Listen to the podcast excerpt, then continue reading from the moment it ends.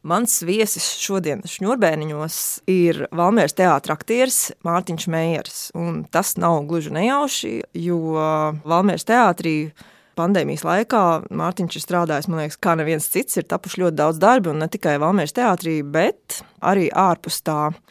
Sveiks, Mārtiņ! Sveiki, jau! Edmundam Freibergam ir tāds teiciens, kurus šeit mēdzu lietot, tu nezini, kur tu iegūsi. Un, lai cik spēcīgi būtu uzrakstīta Māra Zālītas luga dzīvēs ūdens, kas savā laikā arī uz mani kaust, pusaudzi atstāja ļoti spēcīgu iespaidu. Mācekļa loma diploma darba izrādē pie jaunas režisoras Ilzas Blokas – Nu, es domāju, ka tur neviens nevarēja uzmanēt, vai nekas neliecināja par to, ka šī izrāde varētu kļūt par tādu nozīmīgu notikumu.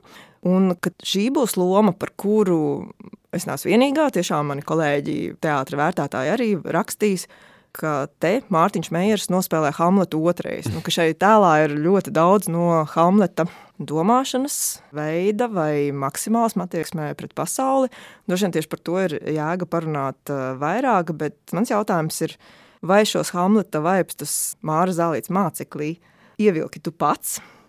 Tos vilka režisori, vai arī mēs, kā skatītāji, kas esam redzējuši tevi spēlējumu Hamletu, redzam to Hamletu arī šajā lomā. Jā. Man pašam šķiet, ka visticamāk ir uh, visas tās lietas kopā, gan arī pašā Lūgas dzīvā ūdens stāstā.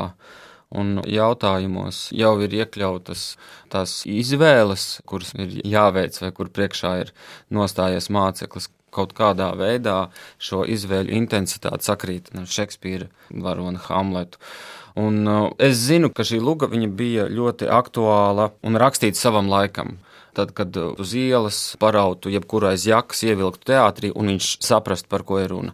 Un mums tas izaicinājums bija ne tikai pārlikt, bet šo stāstu stāstīt nevis kā kaut kādu vēsturisku pasaku, vai kā kādreiz bija, vai tādu atskatu pagātnē, bet viņu padarīt dzīvu tagad cilvēkiem, jo lugā tiek izmantoti daudz vārdi, kas šobrīd ir nonivelējušies un vairs nenes to svaru, kas varbūt tādā patriotiskajā pacēlumā 80. gadu beigās bija biezi pilni, nu tādi vārdi kā tauta, kuru man vispār negribas vairs lietot, jo viņš tāds izvarots vārds šķiet, vai taisnība, vai mīlestība. Un viņi prasa lielu nu, aktierim, lielu iedziļināšanos, lai nekļūtu vispārīgi. Tādēļ tā sasaite ar šo laiku, tas bija tas vissvarīgākais, un tie Hamleta vaipsti drīzāk no manis nāk, kā es to varbūt pats tulkotu. Tādot ar Hamletu es pārvērtēju pats sevi, pats savu cilvēcisko vērtību skalu un pasaules skatījumu, un, un tad nāca šis dramatiskais grieziens, faktiski notikumi, kas definē vispār mūsu paudzes, un dzīvais ūdens piedāvā arī tādu līdzīgu refleksiju par, par to, kā ir dzīvots līdz šim tādu pārvērtēšanu. Un um, mācekļu gadījumā man. Es neteikšu, ka man bija viegli strādāt ar šo lomu, jo vienkārši elementāri, ka es zinu, ka beigās šim varonim ir jāiet bojā tādā nāvē, nemaz negribētu tā vienkārši pats sevi viņš ir aizdzins. Tanī, kas Hamletam ir pilnīgi pretēji, viņš samierinās ar, ar savu mirstību, ar savu miršanu, ar nāvi. Bet mācekļa gadījumā šī miršana patiesības vārdā man tā šķiet, ka īsti neatrisinās šī lugā. Viņa vairāk kā tā jautājums skatītājiem. Un, jā, un man tas bija liels izaicinājums. Es tik ļoti negribēju nonākt tādā situācijā, kad nu, tās klients ir, ir jālec, kad ir jāuzdod ir vienkārši jautājumi par patiesības cenu un nevis tā stūrgalvība par taisnības, ka taisnība ir, bet patiesība, un viņa nav tik viendabīgs jēdziens, un tieši viendabīgu atbilžu nēsamība materiālā arī, manuprāt, kaut kā savieno. Jo, teiksim, kaut vai par šo laiku runāt, labi tā, vienkārši jauns cilvēks, kurš tic kaut kādai pasaules kārtībai, tic savam, šī gadījumā priesterim, tēvam, un viņš tic uzticīgi.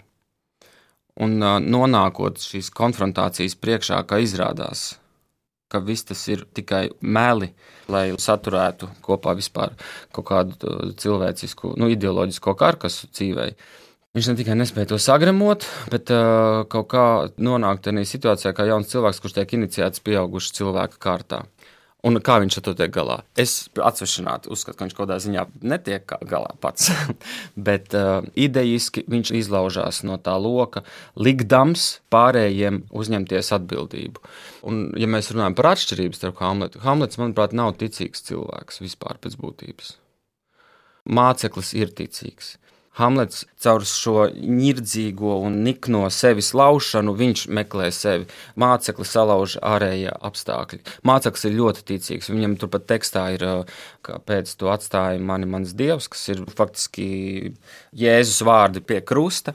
Tur var identificēties jebkurš cilvēks ar tādu situāciju, kad, nezinu, nomirst mīļotais cilvēks, bērns aiziet bojā vai paša dzīve sabrūk, ka šķiet, dievs ir mani atstājis.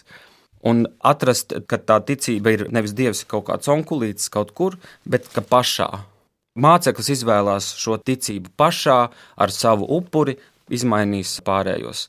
Hamlets varbūt nav tik uh, tādā ziņā radikāli nikns, viņš iegūst kaut kādu apskaidrību beigās. Māceklis apskaidrību neiegūst. Nu, neiegūst to apskaidrību, kas, kas viņam ļaut aiziet mierā. Nu, jā, bet abas šīs tēmas noteikti jārisina. Es vienkārši atceros arī to iepriekšējo izrādi un to savu skatu punktu. Droši vien tiešām tas atkarīgs no paudzes, bet tobrīd uh, es domāju, ka es nedzirdēju vārdu ne tauta, ne cilvēku. Es dzirdēju tikai šos jautājumus - mīlestība, ticība, jā. uzticība. Jā patiesība. Es saprotu, ka droši vien bija iecerēts tur atmodas konteksts, bet nu, man kā jaunam cilvēkam tas īstenībā ar visu emocionālo piesaisti, atmodas tiem procesiem šai konkrētā izrādē tas nešķita tik svarīgi. Man liekas, ka finālā tas ir svarīgi vērtētājiem. Viņi raksta par to izrādi, tad viņi savalk tā kā kopā ar to, kas notiek sabiedrībā, bet, teiksim, kā mhm. skatītājiem īsti nē. Jā.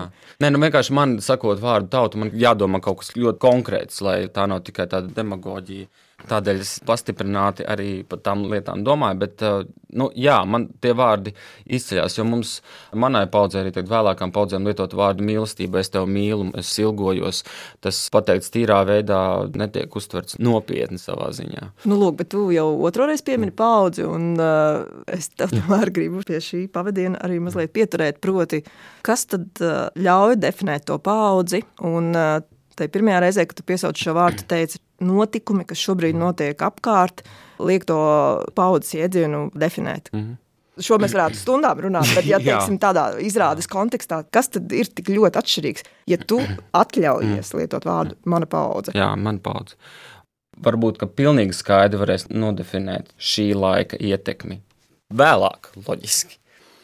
Bet to, ka šis gadījums no 19. gada beigām līdz šobrīd un vēl tālāk ir lielākais mūsu dzīves notikums. Grozam, kā gribam, ekonomiski, politiski, sociāli. Viss, kas no tā, varbūt pat jau iepriekš ar Amerikas vēlēšanām, 16. gada, kad uh, domas galējā radikalizācija notika. Un tas liberālais burbulis, ka pasaule iet uz priekšu un iet uz labu, tas pats, kas bija pirms Pirmā pasaules kara, ja, tas pārplīsa. Un ļoti ilgi mēs spurojamies pretī paši arī un kā tas ir ar visiem lieliem satricinājumiem, pēc viņiem par viņiem negribas runāt. Nu, teksim, otrais pasaules karš, zudusī paudze, viņi tur ir, un mēs ejam tālāk. Un man šķiet, ka tieši mēs, mēs paliksim ieslēgti šajā posmā. Kaut vai runājam elementāri mākslinieki. Es nedomāju, ka es uzrunāšu precīzi paudzi, kas būs izkāpusi pāri bedres malai. Es uzskatu, ka mēs esam šeit. Šis ir mans laiks. Paklaus, bet tas ārkārtīgi fatāli skan. Jā, bet uh, aktieris attiecināms tikai uz savu laiku. Es stāstu jauniešiem par Marlonu Brando. Skatās uz mani, es parādu kādu filmu, ir interesanti, bet viņi nespēja identificēties ar to tiešo cilvēku, tiešo uzvedības modeli. Viņi jau skatīties, kā skaisti, re, kā viņš labi tur profesionāli izdarīja. Bet aktieris ir ieslēgts savā laikā un punkts. Tas, ka ir bijuši brīnišķīgi aktieri un ģeniāli savā laikā, tas viss ir jāzina, tas viss ir labi, un arī pat kino. Es uzskatu, ka aktieru mūžs ir viņa laikmets. Bet tev nešķiet, ka tas arī kaut kāds tāds iztēles jautājums, jo nu, es arī nevaru identificēties droši vien ar Dāci Akmentiņu. Nu, es jā, to nespēju. Jā, Patiesi ticu, jā. ka viņa bija izcila aktrise.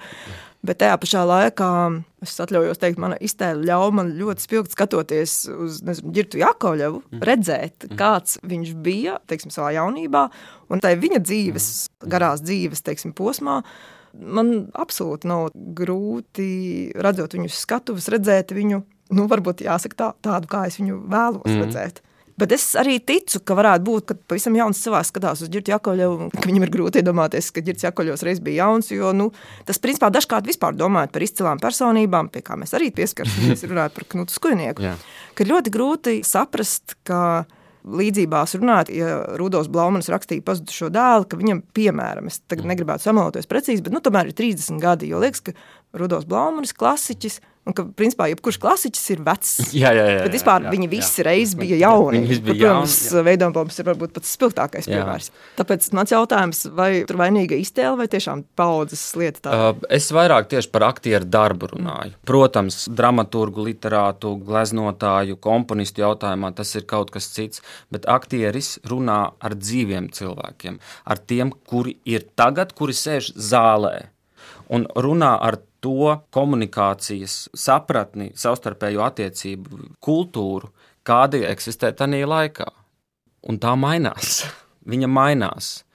Tas, ka es varu novērtēt kādu mazu fragment no 20. gadu izrāžu kaut kādiem maziem fragmentiem, un to, ka tie cilvēki ir virzījuši teātru uz priekšu, tas jau to neizslēdz. Tas ir vienīgais, ko mēs gribam darīt. Mēs gribam virzīt uz priekšu teātru, lai viņš kustās, lai mēs vēl precīzāk parādām savu laiku un virzam uz priekšu domu. Tas, protams, ir. Bet vienā brīdī tā nodaļa beidzās un ej tālāk. Un tas nav nekas slikts. Un vēl tieši par to laika nogriezni vienmēr jaunie nogriež vecos. Tas ir liktenis tieši mākslā. Un tāpēc man ir tā fatālā doma, ka šī vardarbīgā virzīšanās, kuru šobrīd mums notiek nu, teātrī, gan arī nesatiekot skatītāju, ka tas tomēr ir tāds izrauts radošā mūža laiks, kur var taisīt lomas. Es varu parādīt viņus 20 cilvēkiem, es varu parādīt 70 cilvēkiem.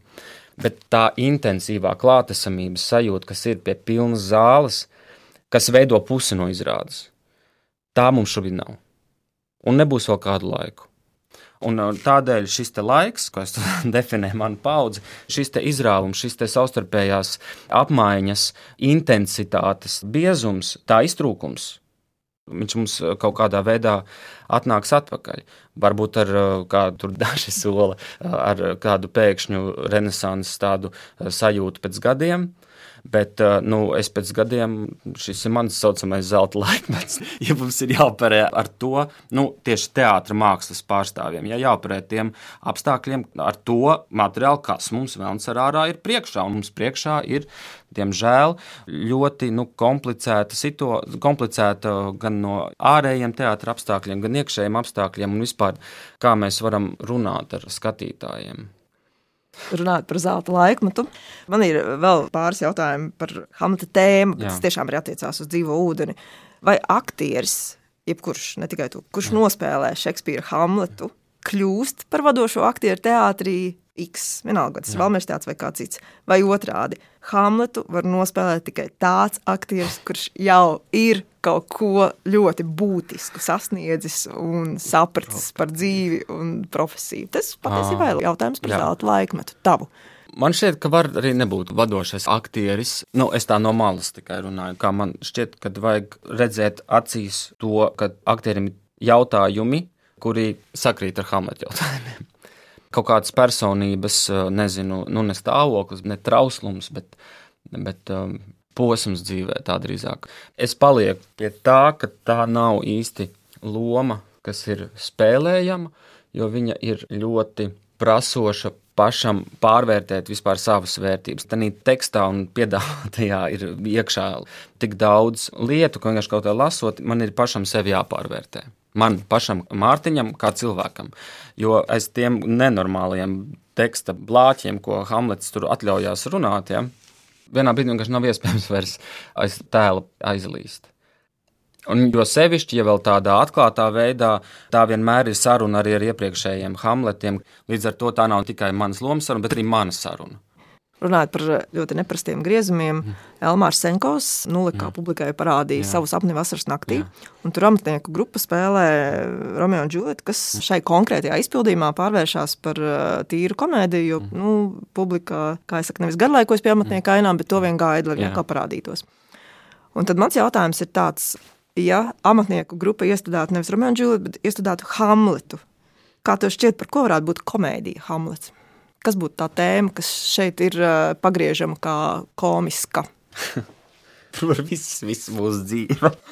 Kā tas bez maz vai, man liekas, ka pat bija, ja es nemaldos, ka pat uz kuģa aiz garlaicības, ja tie kuģa matroži šo te lūgu sev arī uzspēlēja savā laikā tieši angļu valodā, ja valodas asums un asprātība tekstā ir vienkārši tik baudāma, tik eh, ķerama, ēdama un garda, ka tur arī ir tā komēdija. Jo Hamlets arī pats smējās par sevi, viņš, viņš eh, smējās par visiem.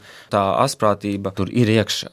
Pati par sevi, un tādēļ man tā šķiet ne pat eh, stāsts kā komēdija, ja, bet par asprātību jo tur vārdu spēles un arī, kas tur viss tie elementārākie pārpratumi, nu, tas ir jau asprātīgi un, un sāpīgi iedzieniski reizē. Nu, tā man tā šķiet tā šūpošanās, ka cities Hamlets aizstumjās kā kāds tāds milzīgs arī akmens, ja? tāds smags monuments, kurš vai nu pacels vai nepacels, bet spēles daļa tur ir. Viņa ir. Seņķa gadījumā, es domāju, tur arī tas tiek stipri izmantots. Kā tev šķiet, tas vairāk tāds gan izvēle retorisks jautājums. Jā.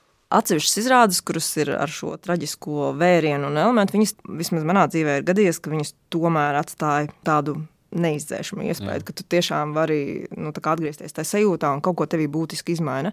Kā tev šķiet, vai jebkuru nopietnu tēmu pagriežot komiskā vai ironiskā vai traģikomiskā, vai tas eventuāli var atstāt tikpat jaudīgu iespēju, ja tomēr eh, tā katrs nāk eh, caur traģēdiju tikai. Ne, nu, tas ir tas stāsts, par ko mēs smejamies par, par sevi. Amatieru teātros ir tas mazās ludziņas, ja tur ko tu atkal guli, vīrs tur bļautais sievai, beidz man bakstīt, es pats zinu, ko gribu, un tad zāle tad, no, reaģēs to, ko saprot smējās par to, ko saprot, kas ir zināms, kas ir reizē līdz sāpēm zināms. Tur tas traģisms arī man tā šķiet var ievīties iekšā smieklos, nu tā īsi runājot. Kaut vai tagad uh, Londonā iznāca tā izrāde par tēmu, kā viņi tur sauc, normālā sirds. Un uh, viņa ir ļoti asprātīga.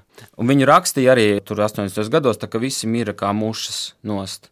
Viņa ir bezgalīgi asprātīga. Lūk. Un tad arī fragmentā, kurus tur redzēja, ja, zāle vienkārši viņa ķer katru vārdu un reaģē.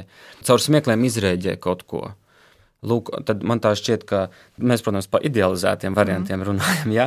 bet tā pilnīgi noteikti ir vienmēr, nu, ja mēs ņemam kaut kādu grieķu traģēdiju, viņi noved līdz ekstāzei. Bet uh, tu nevari katru vakaru piedzīvot ekstāzi. tad mēs būsim kaut kāda perversa grupa. Ja mēs tādi tiešām, nu, es saprotu, ka tur notika tie Dionīs svētki, tur nedēļām un kā, bet, manuprāt, traģēdija ir smieklu galējā. Nu, kad viss, nu, traģēdija noteikti ir tālākais punkts, bet uh, smiekli ir ceļš uz to. Ļoti jauki. Paldies. Tā ir laba koncepcija. Man par to būtu Jā. vēl jāpadomā.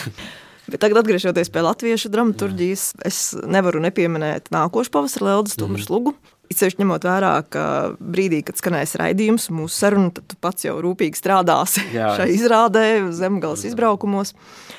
Un uh, tu tur spēlē Jorganu, kas atšķirībā no ideālistiskajiem pilsētniekiem, kas ir ieradušies laukos, pārstāv it mm. kā mm. tādu realistiskāku skatījumu uz pasauli. Un tomēr man liekas, ka labā dramaturgijā, un šī ir laba dramaturgija un laba izrāde, tā ideāla un uh, reālās pasaules sadursme. Viņa ir ne tikai ārēja, ne tikai šie divi pilsētnieki, mm. kas ir pārcēlušies dzīvot uz laukiem, saskars ar to realitāti, bet uh, tavs varonis, kurš dzīvo laukos, Jā. arī saskars ar pavisam citu, jaunu kaut kādu realitāti, kuru viņš nav gaidījis, ka viņš varētu mm. ieraudzīt tajā savā vidē. Mm. Un tad man ir jautājums, ja konflikts ir starp ideāliem un realitāti, kas ir Jorgana ideāli, jo tā viņa realitāte ir diezgan labi uz skatuves redzama. Jā, nu, šī lūga no 90. 80. 80. vairāk, jā. jā, mm -hmm. kad pārvākties uz laukiem bija pilnīgi savādāks notikums nekā šobrīd, jo tad bija tā ekonomiskā starpība milzīgāka. Bet es pārlicu uz šodien, līdz ar to, kas ir Jorgana ideāli. Um, Pilnīgi skaidrs arī, teiksim, saskaroties ar citiem materiāliem, kurus tagad strādāju, jebkurā mazā ciematā, dzīvojot visu mūžu, jauns cilvēks, vienmēr ir daudzas tieksme, kas ir aiz horizonta. Lai kā kurš tur teiktu, ka man te ir labi, man te strādā, vienmēr ir nepiepildīta, neapzināta tieksme kaut kur izrauties. Un tieši Jorgena gadījumā viņš piedzīvo to, ko viņš iemīlās. Ko viņš varbūt pat nebija tādā veidā izjūtis. Jo šajā lugā ļoti interesants tas tonis, ka tā mīlestība ir gandrīz Es pat neesmu saskāries daudz dramaturgijā tieši ar šo savādo sekundi. Bet bet no pirmā skatiena līdz pirmam skūpstam tā pilnīgi netveramā uh, sajūtu teritorija, un viņš ar to saskarās. Ja Jorgens nebūtu iemīlējies, viņš varbūt tās arī tā to visu dzīvi, tā strādājot, būtu nostrādājis un apzinājies, neapzinājies mūža galā, nu gan jau ka varbūt apzinājies, bet ka īstu sirds piepildītību nav izjutis prasmīgs viņš nav šī jomā, mīlis absolūti. Un tur it kā tieši tiek kontrastēta tā galvenā varona Krista, ka viņam idealizēja tos ļaudis, kas dzīvo tajā ciemā, tajā vietā. It kā tas ir, kas viņai trūkst, un viņiem trūkst, nu, Jorganam trūkst. Nu, teiksim tā. Viņš pats nezina, ka viņam vajag paskatīties uz gleznām. Jūs tikko arī bijāt, starp citu, vienā izbraukumā, tas vairāk bija tā kā Latvijas pusē, un man pēdējā laikā ir sanācis atgriezties pie kaut kā tāda kā skatītāja vēstules un redzēt, nu, kā mm. agrāk. Kad vēstules vēl rakstīja ar roku, tās rakstīja arī uz teātri un teica, es jūs redzēju tajā lomā. Tas man atstāja milzīgu iespēju. Bet kā ir šobrīd ar to rezonanci? Ko nozīmē šāda izbraukuma tūre Valmēras teātrim vai teiksim, šai pat konkrētajai izrādē?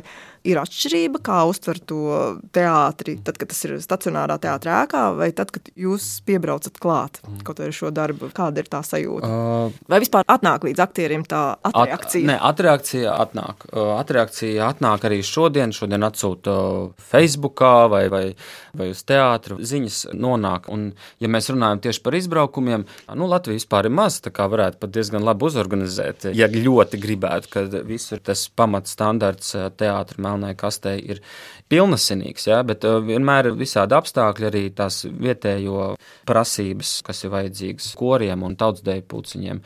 Līdz ar to katra telpa ir bišķiņa savādāk ar savu to pielāgošanos, tas ir tehniski. Un vēl es varu par telpas uzbūvi šobrīd runāt, ka nevajag skatuvē būt divu metru augstai. Cilvēku uztver. Uh, man tāpat var uztvert vienkāršāk, ja tā skatu ir līdz ar zemi. Un sevišķi, ka tieši šī konkrētā lūga, šis darbs ir tā, veidots kā kamerdarbs, tūplāna darbs. Līdz ar to tur ir kaut kādas izmaiņas, ka viņu atver bišķiņ lielākai zālē. Tas notiek pilnīgi automātiski. Un uh, tur tā lieta, cilvēkiem patīk dzirdēt to, kas viņiem ir saprotams. Ne tik saprotams, bet gribas, lai kāds pasaka vārdos to, kas man sirdī notiek. Un Leldas stumbrs darbs, šī sadursme, kas Latvijā par to neviens nerunā, bet tā vienmēr ir šī pilsētas un lauku sadursme. Pirmkārt, viņa ir un viņa netiek uh, uztverta nopietni. Drīzāk viņa tiek uztverta kā tāds status quo. Tagad mums tā Latvijā vienmēr ir tā, kā, nu, kas gāja strādāt Valmieras teātrī, tad man dažīgā prasīja, kā jums tur vai bietēs maksā vai kā. Šis stereotips pa laukiem ir stipri saglabājies, kas man stingri mulsina, jo kaut kādās Japānās pilsētas ir tikpat liels, cik mēs visu la Latviju, un kad mēs tādu mazu valsts sevi padarām pa provinciālu paši priekš sevis.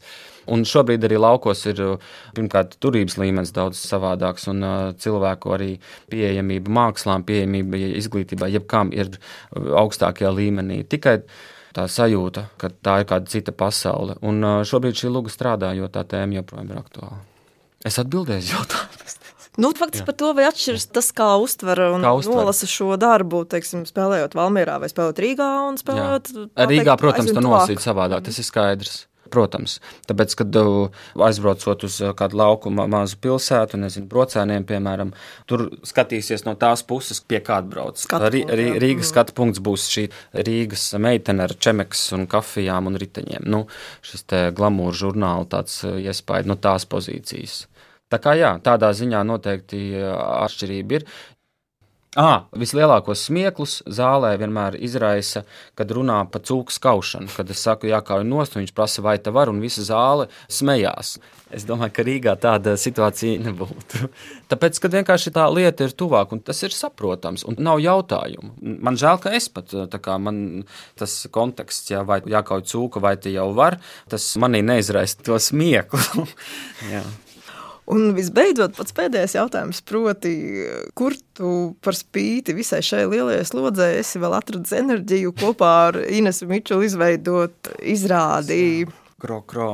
Kro, kas tiek spēlēta līgatnē. Jā.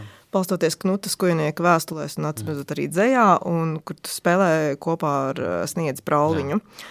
Nu, protams, ka tas ir salīdzinoši varbūt, uh, nenozīmīgs jautājums, kur atrast laiku, bet drīzāk, jā, kur ir tā interese pieskarties joprojām tādam uh, laikam, kurš it kā ir beidzies, pagājis, notikumiem, kas ir pagājuši. Citai personībai, jā, unikāli ir tas, ka viņi joprojām ir dzīvi, tur viņi var sarunāties un jautāt un iegūt arī viņa vērtējumu. Mēs runājam par Knutu Skujenieku. Mm. Bet ņemot vērā, ka Šņurbērņos bija arī Andris Keišs, kurš runāja par to, kā ir būt vācietim uz skatuves, tad kā ir būt Knutam Skujniekam? Mičula Ines viņa man uzrunāja jau pirms gada, un mēs diezgan ilgi vēstulēm Knuta sarakstu ar viņas sievu Intu no Lēģera ilgi, ilgi gājām visām vēstulēm cauri, mēģinājām viņus sistematizēt, lai kaut kāds dramaturgisks materiāls sanāk, ko var arī klausīties.